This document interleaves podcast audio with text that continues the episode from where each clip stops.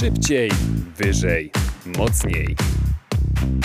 Czyli audycja sportowa w Studenckim Radiu Żak Politechniki Łódzkiej. Jak oceniasz zwolnienie Jerzego Brzęczka i co sądzisz o powołaniu nowego selekcjonera reprezentacji Polski?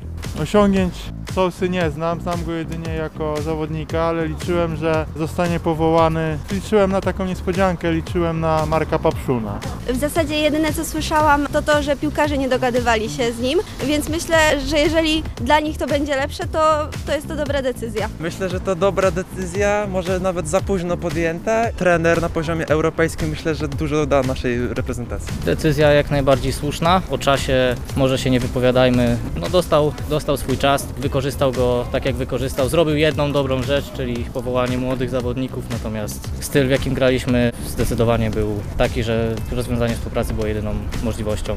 No po prostu wydaje mi się, że to za szybko po prostu została ta decyzja podjęta, bo to powinno być wcześniej uzgodnione, z dnia na dzień po prostu, bo tak sobie zażyczył pan Boniek. Bardzo dobrze, że zwolnili, ale ten wybór troszkę średniawy Portugalczyka, ale no lepsze to niż Brzęczek.